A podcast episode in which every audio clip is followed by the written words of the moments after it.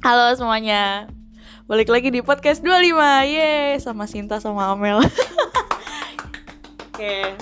Jadi hari ini kita mau ngomongin apa? Tentang nggak tahu ya. Oke gue gue mau nanya-nanya sama kalian Tentang tipe ideal Tipe ideal suami di masa depan. Coba dari Amel dulu gimana Mel? Jadi namanya Muhammad Adi Harifai Gila disebut namanya lo semua. Lahir 26 April 19 eh 1994 Pekerjaannya wira swasta. Dia jalan kambing Daerah puncak. Iya soy. Terus Kenapa sih lo bisa suka sama dia gitu? Pengen tahu dong. Maksudnya apa sih uh, kualitas spesialnya dia di matanya seorang Amel gitu? Lo tau gak? Apa apa apa? Kalau kata quotes-quotes di Instagram Apa tuh? Gak tahu gua. Cinta itu tanpa alasan itu gue ke dia gue juga gak ngerti banyak ya yang Ah. lebih cakep yang lebih tajir yang lebih keren yang lebih sweet yang lebih perhatian dari dia heran gue gue curiga di pelet tapi gak mungkin heran gue juga Pokoknya Terus, terus? sih ada satu sih ada satu bener-bener satu Apa apa apa apa? ada bener-bener satu apa ya namanya? Kualitasnya dia apa? iya Dia bukan ada apa? satu alasan yang bener-bener Apa tuh? Ya itu rahasia. Ya kan gue nanya kenapa Ya ini rahasia kan rahasia, ini cuma bisa dibuka Oh. di brownies nanti. Oh, gitu ya, gue baik. dibayar, ini kan gratis. Kecuali ini gratis nih, boleh. Hmm. Tapi lo tau nggak Ipomnya sendiri punya perasaan ke lo apa gimana gitu? Terus hubungan kalian tuh gimana sih? Nah, Kata kuncinya dari awal sabar sih. Pokoknya kata kunci yang dia bilang ke gue sabar Dari mulai, dia tuh anaknya gengsian banget. Dari mulai gue juga gengsi Dari mulai gue jaim, sampai sekarang malu-maluin Sampai sekarang gue gak tahu malu. Ya gue akan tetap sabar sampai ya. Yang jelas sih perjanjian kita satu ya. Dia nggak boleh nikah sebelum gue nikah. Atau dia harus nikah kalau atau dia nikah cuma boleh sama gue. Kayak gitu. Kayak maksa ya, Bu, ya? iya so kalaupun selfish ya bodo amat kalaupun kalaupun kita nggak jodoh gue yang harus nikah duluan Terus lo ada cadangan gak nih? Misalnya lo nggak jadi Kenapa sih jatuh ke situ? Misalnya lo nggak jadi nih sama dia, lo ada cadangan Ada rencana cadangan gak nih? Maunya tuh laki yang kayak gimana? Apa mesti yang kayak dia banget? Apa pokoknya gue nikah gini gimana-gimana tuh? yang paling penting tuh satu yang paling penting orang tua gue ikhlas melepas gue sama orang itu. Itu paling penting. Karena gue dari kecil udah diurusin udah digedein udah segala macem. Sekolahin, tapi Iya. Badung aduh enak aja. Lo kali udah dilesin nggak bisa bawa mobil. Lo juga. Gue enggak dia. Les ya. Oh iya. Apa ya? Mm-mm, Pokoknya intinya restu ya? iya pokoknya orang tua gue ini apa sih ikhlas aja ngelepas gue gitu. Mm-mm. ya pasti orang tua siapa sih nggak mau anaknya bahagia?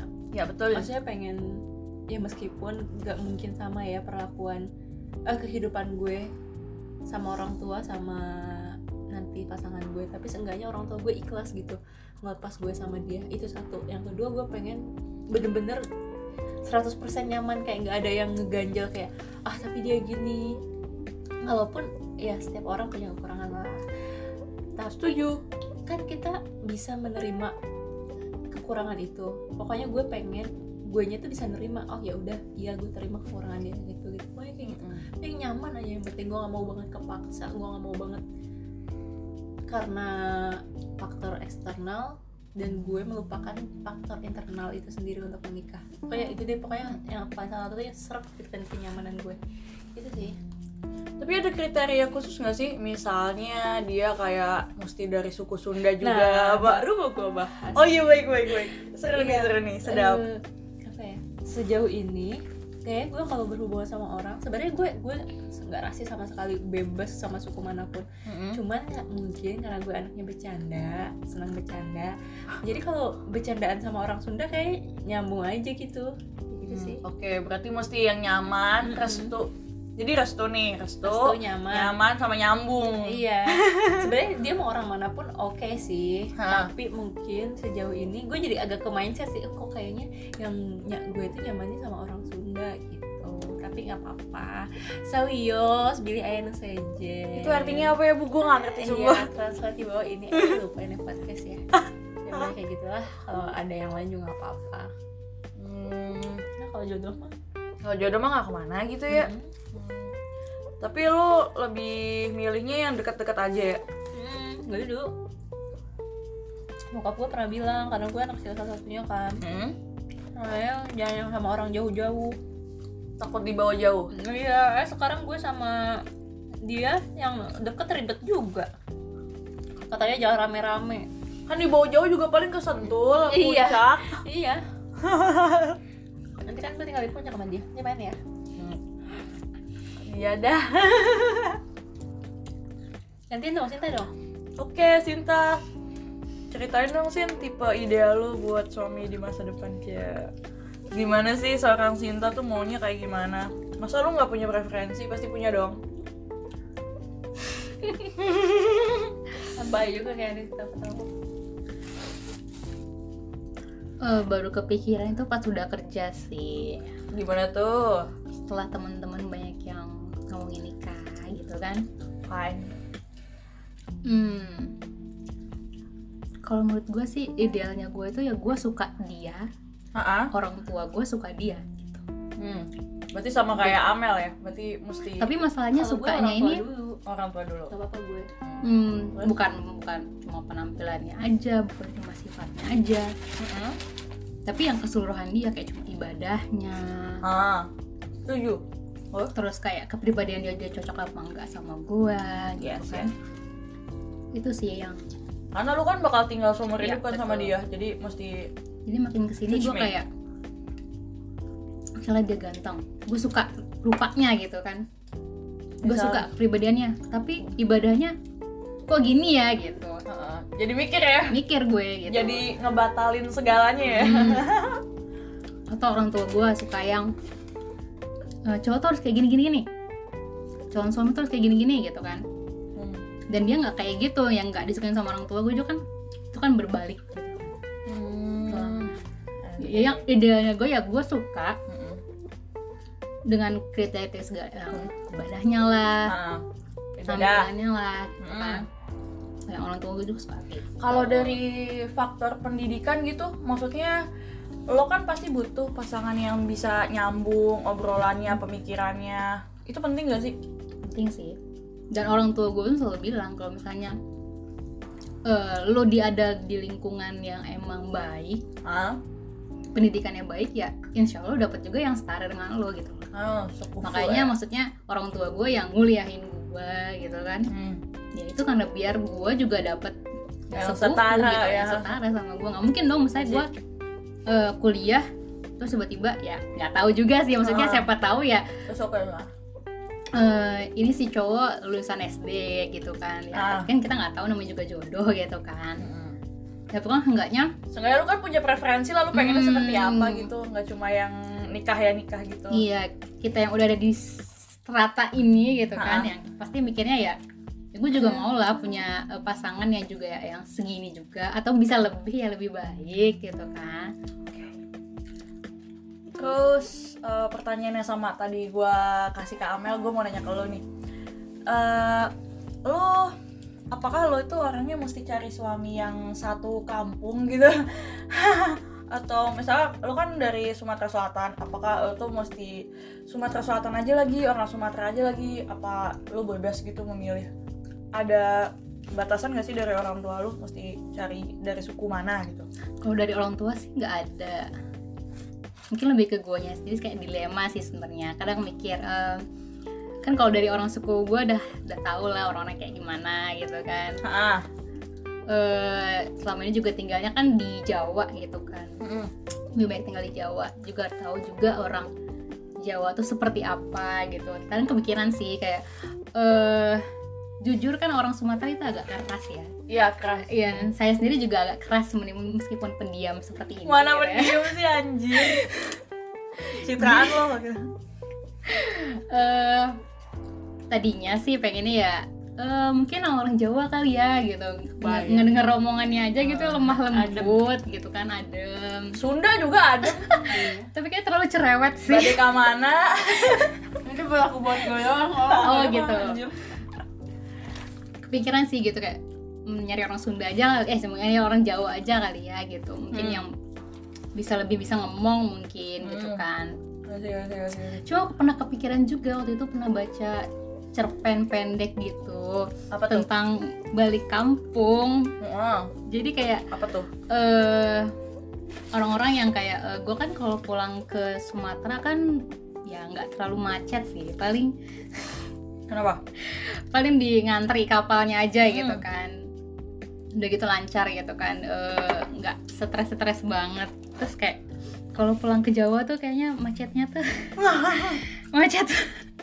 Bu, kan, macet banget Bu, kan ada yang namanya kereta, ada yang Iya, namanya betul, pesawat. betul betul betul. Cuma gara-gara gue baca cerpen itu terus gue kayak kepikiran ah nikah sama orang sekampung aja. Ya maksudnya satu Nah, yang deket-deket aja lah gitu kan. Um, pernah juga sih kepikiran kayak gitu tapi kayak itu kayak dilema aja sih gue sih nggak yang ngebatasin gue harus nikah sama orang mana ya hmm. fine fine aja gitu kadang ada faktor-faktor yang ya sebenarnya itu faktor yang biasa aja kan masalah cuma kampung doang gitu balik kampung gitu Hmm, berarti kalian tuh lebih milih sebenarnya kalian tuh bebas ya, maksudnya sama siapa aja, tapi lebih milih sama yang satu suku yang dekat karena uh, lebih gampang penyesuaiannya Iya. kali ya. Iya. Ah, I see, I see, I see. Wah, menarik nih. dan gue pasti nggak bakal apa ya bukan nggak bakal bisa sih agak susah eh, agak susah hidup sama orang yang eh, luar pulau Jawa kayaknya kayak sama orang Makassar Pokoknya sama orang yang di luar Jawa lah ya. Hmm, Susah penyesuaiannya Palembang. apa gimana? ini apa sih logat logatnya kan beda ya Ah, ah. kalau di kita kan kayak pelan pelan gitu Hmm. Lagi di Sunda gitu kan Halus. ngomongnya heeh. soalnya kalau orang sana kan sebenarnya mereka baik kan ngomongnya juga biasa aja cuman teriak-teriak Oh kan iya. sana udah biasa kan kan gue udah nggak teriak-teriak iya dulu gue Oh jadi pas awal-awal Sinta teriak-teriak ya? iya terus sama gue juga dulu punya kan temannya orang Makassar itu Hmm. terus shock juga gue gue kira kalau mereka ngobrol tuh adik kakak gue kira mereka berantem ternyata enggak Emang kayak Emang begitu, kayak gitu. kebiasaannya kayak Hmm. gitu. dan kayaknya gue akan susah untuk Hmm. ke sana gitu Jadi takut ada culture shock juga ya. hmm, kayaknya gue bakal apa ya gitu lah berarti harus gue adaptasi lagi kan Iya, jadi lebih adaptasinya double ya, Bo. Hmm, Dari mulai kebiasaan. Kan lu tau lah kalau misalnya satu suku sama lo, lo tahu mereka kayak Hmm. gimana, kebiasaannya seperti apa. Jadi gampang adaptasinya. Dan kalau misalnya sama yang beda suku, lu mesti adaptasi dari misalnya makanan. Misalnya orang Sunda tuh sukanya yang gurih-gurih. Terus lu misalnya nikah sama orang Jawa, Jawa tuh makanannya Manis. manis-manis. Nah, adaptasi kayak gitu aja udah selesai ya. lu gimana lu nis Ya, kalau gua mah ya itu yang seperti di podcast pertama gue bilang. gue patokan gue tuh yang penting bisa bikin aman, nyaman, selamat. Titik. Udah, itu aja. Tapi kalau buat preferensi lain, kalau misalnya fisik ya, gue nggak mau ini. Gue pengen sih, gue pengen punya suami yang kayak lebih tinggi dari gue gitu. Kayak lucu aja. kalau tapi kayaknya semua cewek kayak gitu deh kayak Iya gitu ya sebenarnya. Aneh aja gitu kalau pendek apalagi gue udah pendek gitu. Ya sampai nggak mau iya nah maksud gue itu. Kalau misalnya setara ya nggak apa-apa tapi kalau bisa lebih tinggi. Pengennya cuma itu bukan faktor penting yang gue mesti nyari suami tinggi gitu enggak itu cuma kayak bumbu aja lah. Terus kalau masalah mesti satu suku apa enggak ya kagak sih. Cuma kalau dari orang tua sih eh, kurang setuju kalau gue nikah sama orang di luar Pulau Jawa ya sama itu. Karena rata-rata gitu ya kebiasaan orang iya, Jawa ah, gitu ya. Ah. Waktu itu nyokap pernah ngomong kan, kayaknya nyokap gue tuh kemakan stereotip ya. Kamu jangan nikah sama orang Palembang, orangnya keras-keras gitu. tapi emang emang keras Emang gitu, keras gitu ya. Wah. Mungkin keras suaranya aja. Tapi nggak tahu sih. Terus kan banyak ya, lu pada pernah denger gak sih stereotip kalau eh jangan nikah sama orang Padang, pelit. emang emang iya Udah kan, emang emang iya iya. Padahal nggak semua orang Padang pelit menurut gua. Ya Jawa yang pelit juga banyak. Heeh. Padang yang baik juga banyak. sebenarnya kayak gitu tuh harus kita cut dari kita gitu loh Betul. gue juga dari awal mikirnya aduh Mel apalagi orang tua gue juga nggak rasis ya kayak yang nggak ngebilangin Mel nggak boleh nikah sama orang Jawa nggak pernah sama sekali Ah. bebasin sebebas bebasnya mau gue nikah sama orang luar negeri yang penting kan seagama kan itu Ah, kan betul, betul, penting betul. kan. tapi gue nya sendiri pas terjun ke lapangan ternyata aduh gue nggak bisa nih nikah sama orang Jawa. Hmm. lelet banget ngomongnya lama gitu. Apa apa tuh kayak Hmm. mikirnya panjang. Aduh nggak bisa nggak bisa gue diajak bercanda juga gitu. Ada itu itu mungkin salah satu sih ternyata. Tapi kan jadi ke mindset ke gue kan ke Betul, setting betul, gue betul, oh, betul. orang Jawa tuh kayak gitu kan. Sedangkan ada orang Sunda yang menyenangkan buat gue. Jadi di mindset gue ah gue nikah sama orang Sunda aja yang udah biasa bercanda sama gue. Bisa nanti kalau kalau misalnya kita di suatu tempat mau ngomongin orang ya pakai bahasa kita gitu kayak gitu sih ya plus minus Mungkin karena gue anak rantau jadi ya dari Sumatera Hmm. ke Jawa, ke Jawa kayak gini Sunda gini jadi kayak merasanya ya pengen sih dapat orang yang lebih lembut gitu nah daripada saya gitu kan. karena lo tahu maksudnya kayak Ah. di lingkungan lo tuh kayak keras semua gitu Keras. kan lu juga udah biasa kalaupun dapet yang keras kecuali gue bingung Iya Kalau dia makanya makanya penyesuaiannya, kaget kan ah. gitu kan kalau dapat yang mungkin gue bakal kaget tiba-tiba kalau dia apa sih misalnya suami gue kayak minta makan tapi gitu. teriak-teriak gue Padahal mungkin dia- padahal mungkin dia emang lapar aja tapi nggak nggak apa emang nggak galak tapi ya emang logat begitu terus gue mau nanya nih eh, maksudnya nanti kan nggak mungkin dong lu kalau eh, dalam prosesnya nih milih laki nih misalnya ada yang ngedeket ke kalian pasti ada lah lo kayak ngetes ngetes gitu kan. terus lo ada rencana gak sih? Maksudnya eh, kayak pertanyaan apa yang bakal lo tanyain gitu sebelum lo yakin nih kayaknya nih orang emang oke banget nih buat gua buat keluarga gua cocok sama adik-adik gua. Ya kayak gitu. Ada gak sih kayak pertanyaan yang bakal kalian tanyain gitu? Pertanyaan penting lah gitu. Kan nggak mungkin kayak oh ya udah deh iya iya Mungkin. udah pernah sih gue apa tuh apa gue tuh pernah bahas jadi gue bahas eh, sebenarnya Hmm. chatting-chattingan biasa terus tapi banyak bahasannya dari mulai eh, apa yang yang pernah gue bahas itu cara dia ngedidik anak oke eh, pandangan dia gue lebih sering nanya tentang pandangan sih Mm-mm. pandangan apa tuh bahasanya kan pandangan ya Hmm. tapi gue pengen tahu iya dia tuh kayak gimana nanti ke depannya gitu Eh, menurut dia anak itu harus lebih deket ke ke orang tua cewek apa ke orang tua cowok? Mm-mm. gue udah tahu jawaban dia kayak apa. Ha-ha. di situ kita agak beda sih agak beda pendapat. Kalau menurut dia itu tuh tugas orang tua cewek. Makan tua cewek oke. nah untuk ngedidik anak. Tapi menurut gue eh itu harusnya seimbang. Karena anak eh, karena orang tua cowok itu nggak cuman harus cari uang maksudnya oh iya dia harus deket juga sama anaknya. Mm. karena nanti suatu saat eh si bapak itu orang tua cowok itu berhak juga atas anak itu kan? Iya betul. Ya anak kalau deket ke ibunya doang nanti kalau udah gede nggak deket sama iya bapaknya maksudnya cuman cuman tanggung jawab di karena bapaknya ngebiayain dia doang dong. Nggak yang karena nggak yang karena bapaknya ngurusin dia juga. Kayak Hmm. gitu kan? Nggak menurut gue penting banget sih deket sama orang tua cowok juga. Meskipun se- kesehariannya kita sering di rumah sama orang tua cewek Hmm. itu satu sih itu satu sih makanya terus eh, itu kan pandangan jadi dan dia itu pandangan dia kalau misalkan ada hal yang gua gak gue tahu pasti dia langsung nyuruh itu tanggung jawab ibu lo buat ngejelasin Hmm. kayak gitu Jadi semua dilimpahin ke ibu ibu. iya itu tanggung jawab ibu lo buat ngejelasin oh nggak gitu dong maksudnya kalau gue udah punya suami ya tanggung jawab Nggak suami sama. Maksudnya nggak semuanya harus ibu gue yang ta- tanggung jawab. Tapi gue setuju sih Eh, tapi eh, ada salah satu yang keterkaitan sama itu. Di mindset gue cewek itu harus jauh lebih cerdas daripada cowok. Maksudnya harus harus bisa segala macam karena yang bakal ngedidik anak itu cewek. Hmm.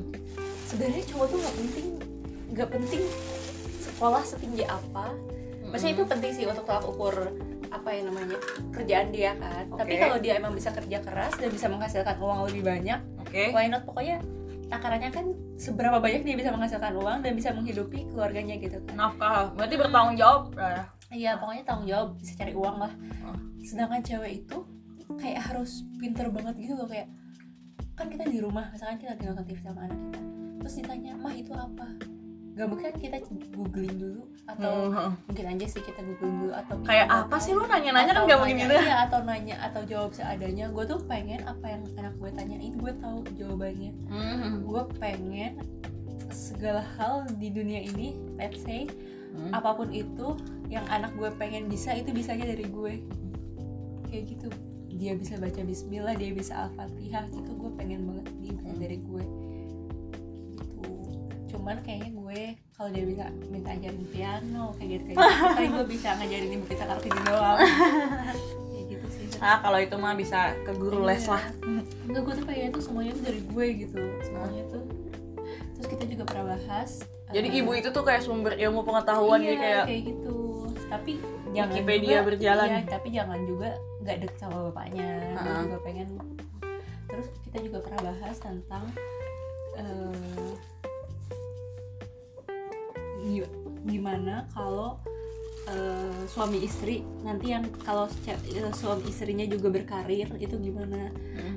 dan tanpa gue sebelum sebelum gue mengutarakan eh, rencana gue dia Hmm. udah ternyata yang dia mau itu sesuai dengan rencana gue jadi emang rencana gue gue pengen kalau udah punya anak jadi gue pengen kalau udah nikah sebelum hamil gue kerja dulu tapi kalau udah kalau udah mau punya anak udah stop sampai punya anak Hmm. udah pokoknya gue pengen full time di rumah pengen bener-bener anak gue bisa A sampai Z dari gue kayak gitu gue Hmm. tahu konsekuensinya Eh, orang seorang ibu rumah tangga ya tahu banget konsekuensinya tapi kan kita harus ngambil konsekuensi itu Betul.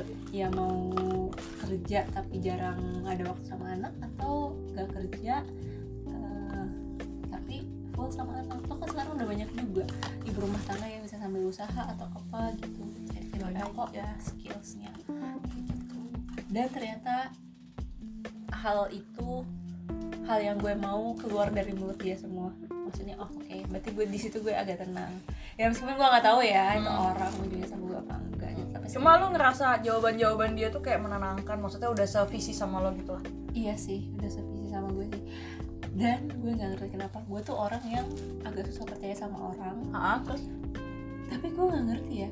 Gue tuh kalian tahu sendiri, gue tuh selalu menentang, bukan menentang ya. Ada aja komentar, nggak yang main iya iya aja. Sebenarnya gue kritis san- lah nggak apa-apa eh, tapi kayak misalkan soal hal sekecil apa pun kayak kadang gue agak ada inilah perbedaan tapi gue nggak tahu kenapa apa pun tadinya kalau dia kalau orang ini eh, ngasih ngasih apa ya ngasih referensi sama gue.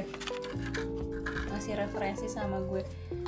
Eh, tadinya gue kayak nyangkal gitu. Saya dia ngasih tahu gue ini gue kasih tahu ini tuh kayak gini. Tapi gue nyangkal nih gue nggak percaya sama dia. Ah masa gitu? Iya gue nggak bilang amasa tapi nggak gue turutin aja omongan dia. Ternyata yang dia omongin itu bener. Sampai sampai titik di mana gue yakin kalau semua keputusan dia itu apalagi semua keputusan dia tentang kita.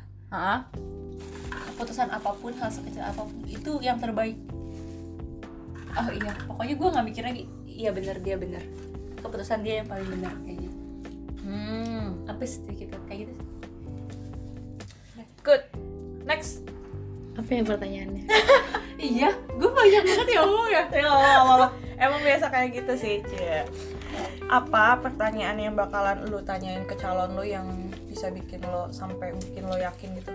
Lo dapetin jawabannya atau malah bikin lo tambah nggak yakin? Kayak emang bukan lu deh.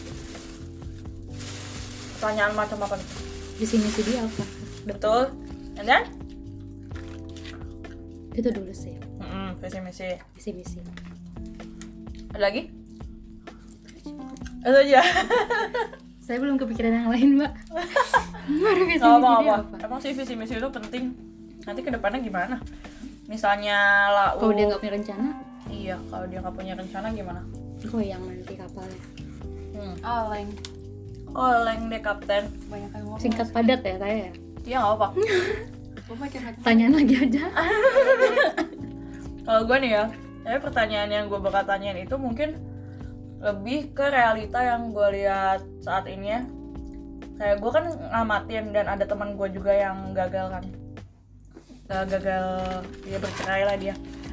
terus gue jadi kayak ngamatin gitu kenapa sih dia bercerai gitu ah faktor ekonomi oke jadi yang nanti bakal gue tanya satu tuh lebih ke faktor ekonomi sih gue nggak butuh dia mapan kaya dan segala macam tapi gue butuh tahu persiapan pengetahuan dia pengetahuan finansialnya dia persiapan finansialnya dia seperti apa. Karena nikah itu tuh bukan masalah kayak cuma cinta-cintaan doang tapi kayak komitmen. Terus lu kan tiap bulan setelah nikah sama dia lu mesti bayar listrik ngasih duit ke mertua hal-hal kayak gitu. Jadi gue pasti bakalan menanyakan kayak gitu.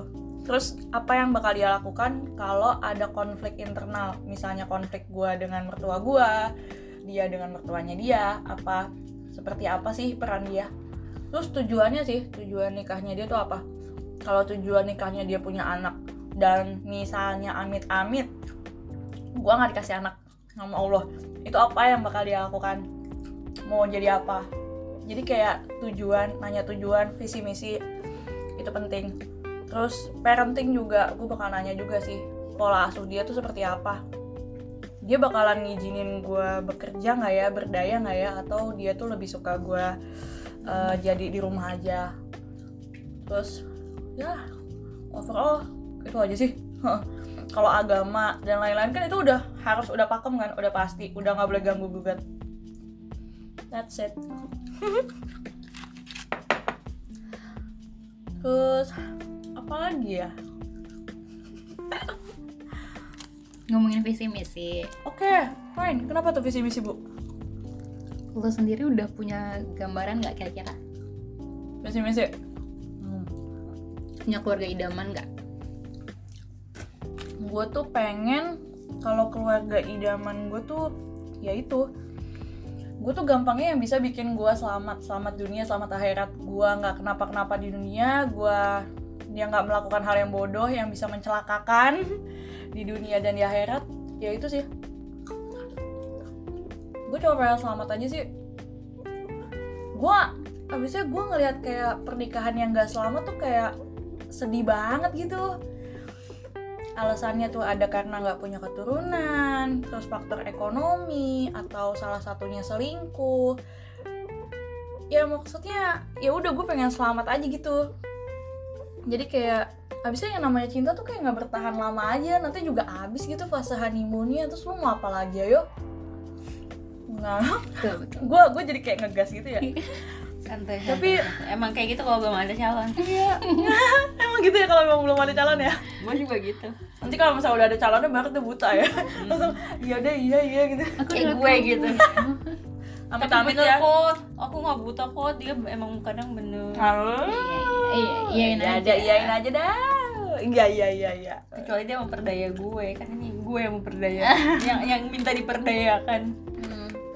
Abisnya nikah tuh kalau dipikir lagi tuh semua tentang realita gitu loh, nggak kayak di sinetron sinetron. Ya udah realitanya aja ya lau hidup, lau bayar listrik, lau ngedidik anak, lau berantem, ada cekcok sama mertua. Ah, Panjang dah pokoknya kalau dijelasin. Ya nggak sih pernah nggak sih lu ngeliat emak bapak lu berantem? Tapi maksudnya karena karena hal-hal kayak gitu kecil tapi misalnya bokap lu nggak bisa ngeganti bola lampu terus kayak nyokap lu nyanyi nyanyi nyanyi dulu mah gue eh, apa sih namanya? Gue sedih tahu kalau kayak gitu. Sekarang Kenapa? ya kalau orang tua gue berantem sekarang mah gue ini kalau mereka udahan berantem ya aku udahan sih lagi dong. Gue ditempelin sama malah gue. malah dijadiin lucu-lucuan. Iya ya aku udahan berantemnya kalau mereka baik-baik aja terus gue suruh berantem. Ya Hmm. berantem dong. Oh iya ada lagi nih gue jadi kepikiran tentang Wai, apa ya? Eh, lo tuh lo. Eh kalian tuh pada setuju gak sih kalau misalnya cewek itu bisa kayak gue jadi kayak kat- kata-katain Najwa Shihab ngapain? Emangnya kenapa sih jadi wanita itu mesti pilih salah satu? Mesti berkarir atau jadi ibu rumah tangga? Kenapa nggak dua-duanya setuju nggak sih kalau cewek itu realitanya realitanya setuju nggak sih bisa melakukan hal itu dua-duanya bisa menurut gue bisa tapi nggak maksimal Iya, pasti ada kayak yang dikorbankan. Ya 50-50 lah, nggak mungkin lu bisa 70% ke anak, 30% kerja misalnya. Pasti Oh. harus ada yang berkorban Iya. Kalau lu Sin, bisa bisa realitanya. tapi dukungan suami itu penting Nah, ini dia nih ya. Dukungan suami ketemu percuma titiknya. istri lu punya punya mimpi tapi suami lu nggak dukung hmm. berarti kalau kayak gitu mesti balik lagi dari sebelum nikah dong Iya. kayak ada perjanjian dulu makanya harus ada visi misi hmm. diomongin diomongin dulu ya sebelum kamu nikah. mau apa Hmm. aku mau apa jadi kamu jangan bisa dukung nggak jangan pas nikah udah nikah di tengah-tengah terus kaget iya ah suami gua ah tapi gua masih pengen kerja atau gue pengen sekolah lagi gitu kan Hmm, tapi katanya pendidikan nggak penting Iya. buat perempuan. Hmm, sia sia. Ya Allah, seru banget ya ngobrolnya sampai anjir udah 30 menit 22 detik. Sambil ngemil-ngemil es krim sama kentang goreng McD McD. Eh, nyebut merek kamu. bip, bip, bip, bip. Ya. bayar dong McDude, McDude, McDude. Ya udahlah podcast ini siapa sih yang mau dengerin? Gue pesimis banget nih podcast ada yang dengerin. Iya kita kita juga sih yang dengerin dan itu karena nggak enak karena teman kita Iya. kayak ibarat gue jualan terus lo beli karena nggak enak itu yang jualan temen lo Iya sih.